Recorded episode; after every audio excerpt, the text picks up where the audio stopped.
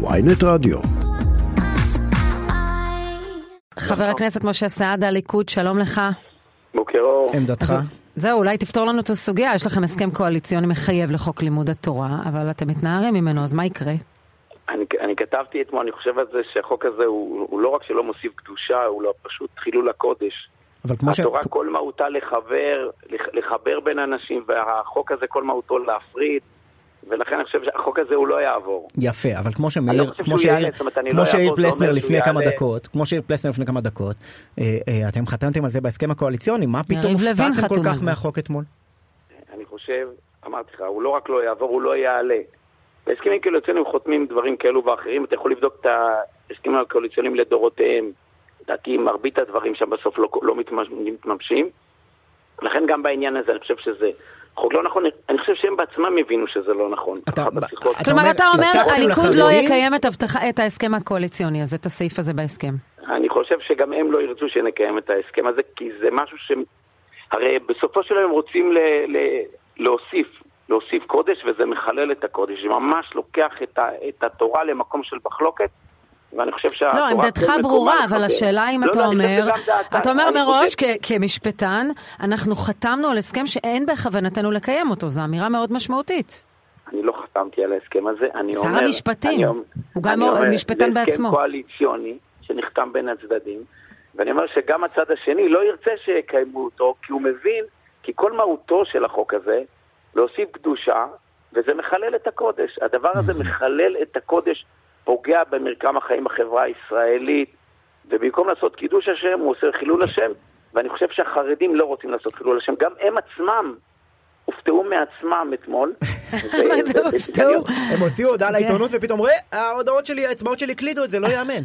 לא, זה כאילו, אני, אומר לך, אני דיברתי איתם והם אמרו לי, כי, כי אני, אני תקפתי את זה מיד, והם פנו אליי, משה, אתה חושב שהוצאנו את זה עכשיו? אמרתי, כן, אמרו לי, לא, מה פתאום, זה, שלא משנה, אני, אני הבנתי שהם עצמם מופתעים מעצמם, וזה בסדר, אני, מכבד אותם. חבר הכנסת משה סעדה, בוא, אנחנו יודעים איך הדברים עובדים במערכת הפוליטית.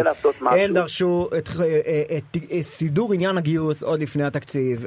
הממשלה רוצה לדחות את זה כי העיתוי קשה לה מאוד, והם, כדי להזכיר שהם עדיין שם והם עדיין דורשים את שלהם, הם מטרילים אתכם.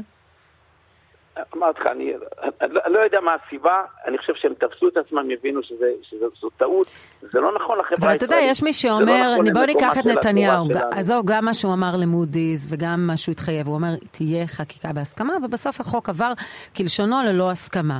הוא אז אמר למה נעשה שיה... את הכל, הוא אמר נעשה את הכל, ואנחנו באמת באמת עושים את הכל, וגם עכשיו בחקיקה בהמשך. רגע, אז תכף נדון. בזה. אז למה שאנשים יאמינו, כפי- כשאתה אומר אנחנו לא נקיים את ההסכם הזה, אלא, והליכוד הוציאה כסיעה, הוציא הודעה שגם העיתוי אומלל, אבל גם אין בכוונה, זה כרגע לא על הפרק, למה שיאמינו אמרתי, לכם? גם הם לא רוצים, אבל אני מסביר לך, אמרתי הרי, לקיים הסכם, אני צריך שהצד השני רוצה אותו.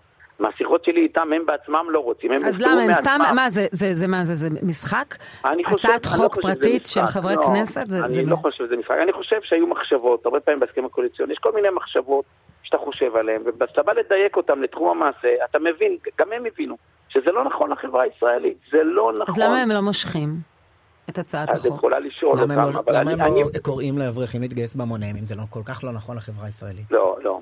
תחלק בין, בין לקבוע את זה כחוק יסוד ולהשוות את זה לשירות בצה"ל, לבין גיוס בצה"ל, שזו סוגיה מורכבת ובעייתית בחברה החרדית. אבל ההבדל הוא ההצהרתי מול הטכני.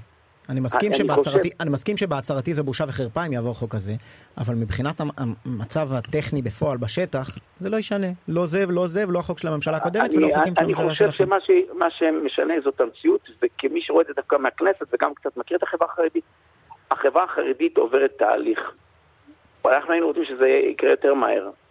אבל אנחנו לא מעודדים את התהליך. הזה, והנתונים אני מראים חושב שמשנה לשנה יש. פחות. פחות מתגייסים חרדים, סוגרים עכשיו את הגדוד החרדי בגבעתי, כי אין מספיק, כי דתיים לאומיים מתגייסים שם על תקן חרדים, וכל הנתונים האובייקטיביים מראים ירידה. צה"ל זייף נתונים, אני זה- מדיון- ככה אפשר להגיע למספרים יפים של גיוס אז אני. אומר לך, ממה שהעדכונים שקיבלנו בוועדת חוץ וביטחון בחודש האחרון, יש שינוי מגמה, זאת אומרת, פתחו יחידות 8200 למשל, לחרדים, שזה עוד מסלול, וזה שחר מביא ירוק, זה כבר עוד- יותר מעשור. נכון, וזה אנשים, מצטרפים אנשים נוספים, זה תהליך. היו אני 1,200, מסכים איתך. 1,300 מתגייסים בשנה, המספר יורד. אני אומר לך שכמות האנשים שביקשו לה- להתגייס ל-8200, כמות גדולה מאוד, לא, לא קיבלו, כי המיונים היו קשים ומורכבים.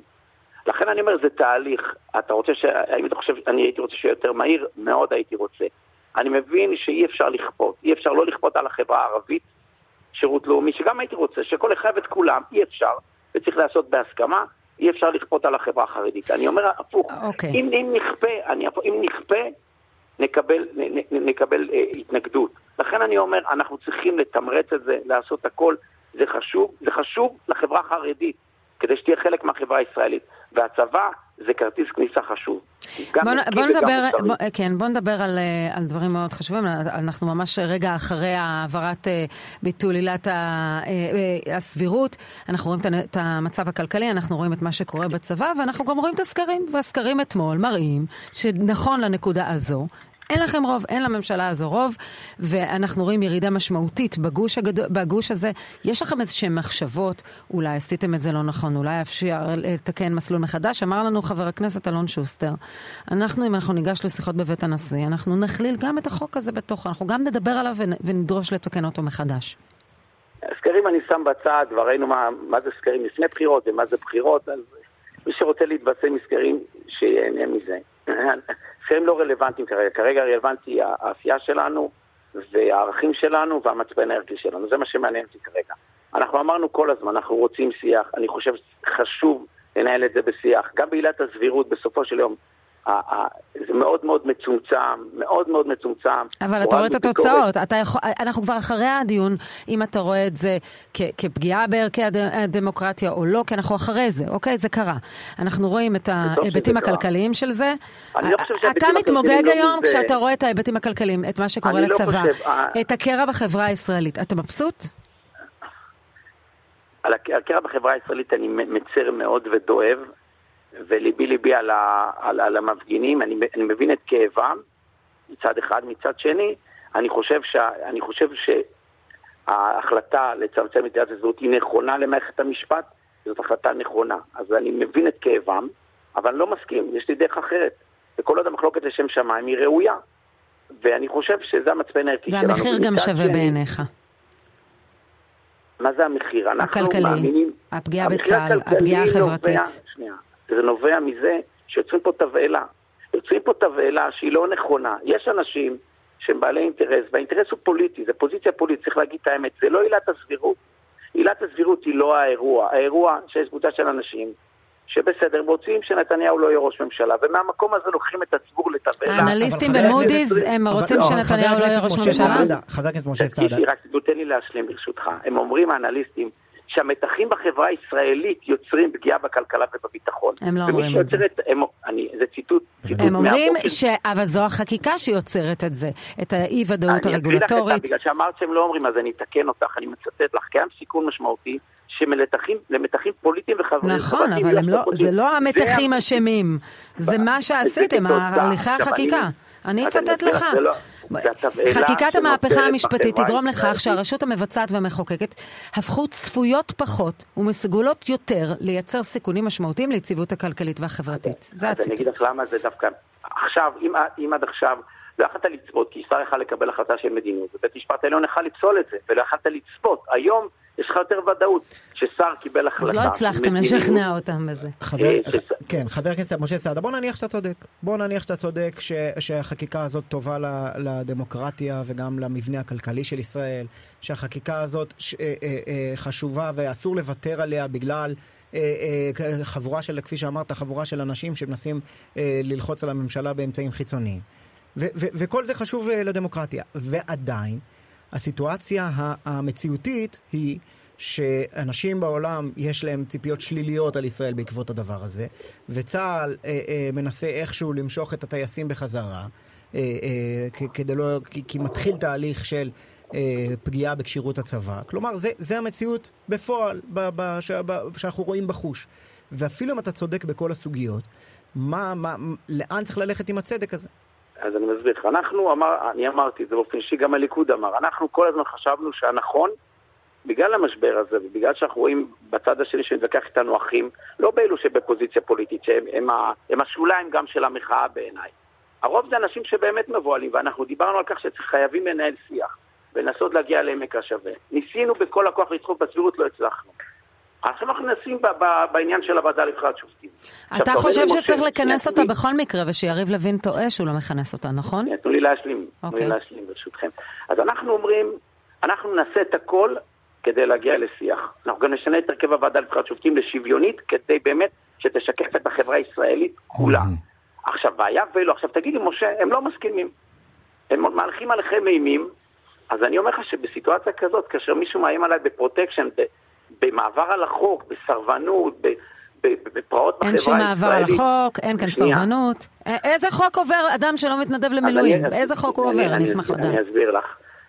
כאשר בן אדם חוסם כביש הוא עובר על החוק, כאשר הוא מצית אש בכביש הוא עובר על החוק, כאשר בן אדם שמקבל צו, צו גיוס, אני מדבר על אנשים שמקבלים צו גיוס, ומודיע לצבא שהוא לא מגיע, זה מעבר על החוק. כאשר מישהו אומר, קורא לאחרים, קורא לאחרים לא להתנדב לצה"ל, קורא להם לא להתנדב, זה מעבר, זה עבירה של המועדה. אבל אה, רוב האנשים עושים את זה באופן אישי, אני, הם לא מתנדבים, מדבר, הם לא עוברים לא, לחוק. אני מדבר על מי שקורא, אמרתי דברים מדויקים, אני משפטן, אמרתי, מי שקורא לאנשים לא להתנדב לצה"ל, יבוא יהודי רב חרדי, יקרא לאנשים לא להתנדב לצבא. אבל שוב חבר הכנסת סעדה, אפילו אם נקבל את דעתך שמדובר בפרוטקשן, אני עדיין לא רוצה שהמסעדה שלי תישרף. אז אני אומר, אז אני אומר, אני לא אשלם פרוטקשן גם אם אני אדע שתישרף. אבל סליחה, כל הדימוי של פרוטקשן גם לא מקובל עליי, כי ראינו את גלנט רץ ליריב לוין, ומי שנראה כמו האדון, תסלח לי, האדון קורלאון, זה יריב לוין, שאומר לו תן לי חודש, תן לי חודשיים, מנהל איתו משא ומתן, הוא מתבצר, וזה איש שלך, זה איש ליכוד שחרד למדינה, ואתה מדבר על פרוטקשן. פרוטקשן מהצד השני, לי נשמע שיש כאן מישהו אחר שמחזיק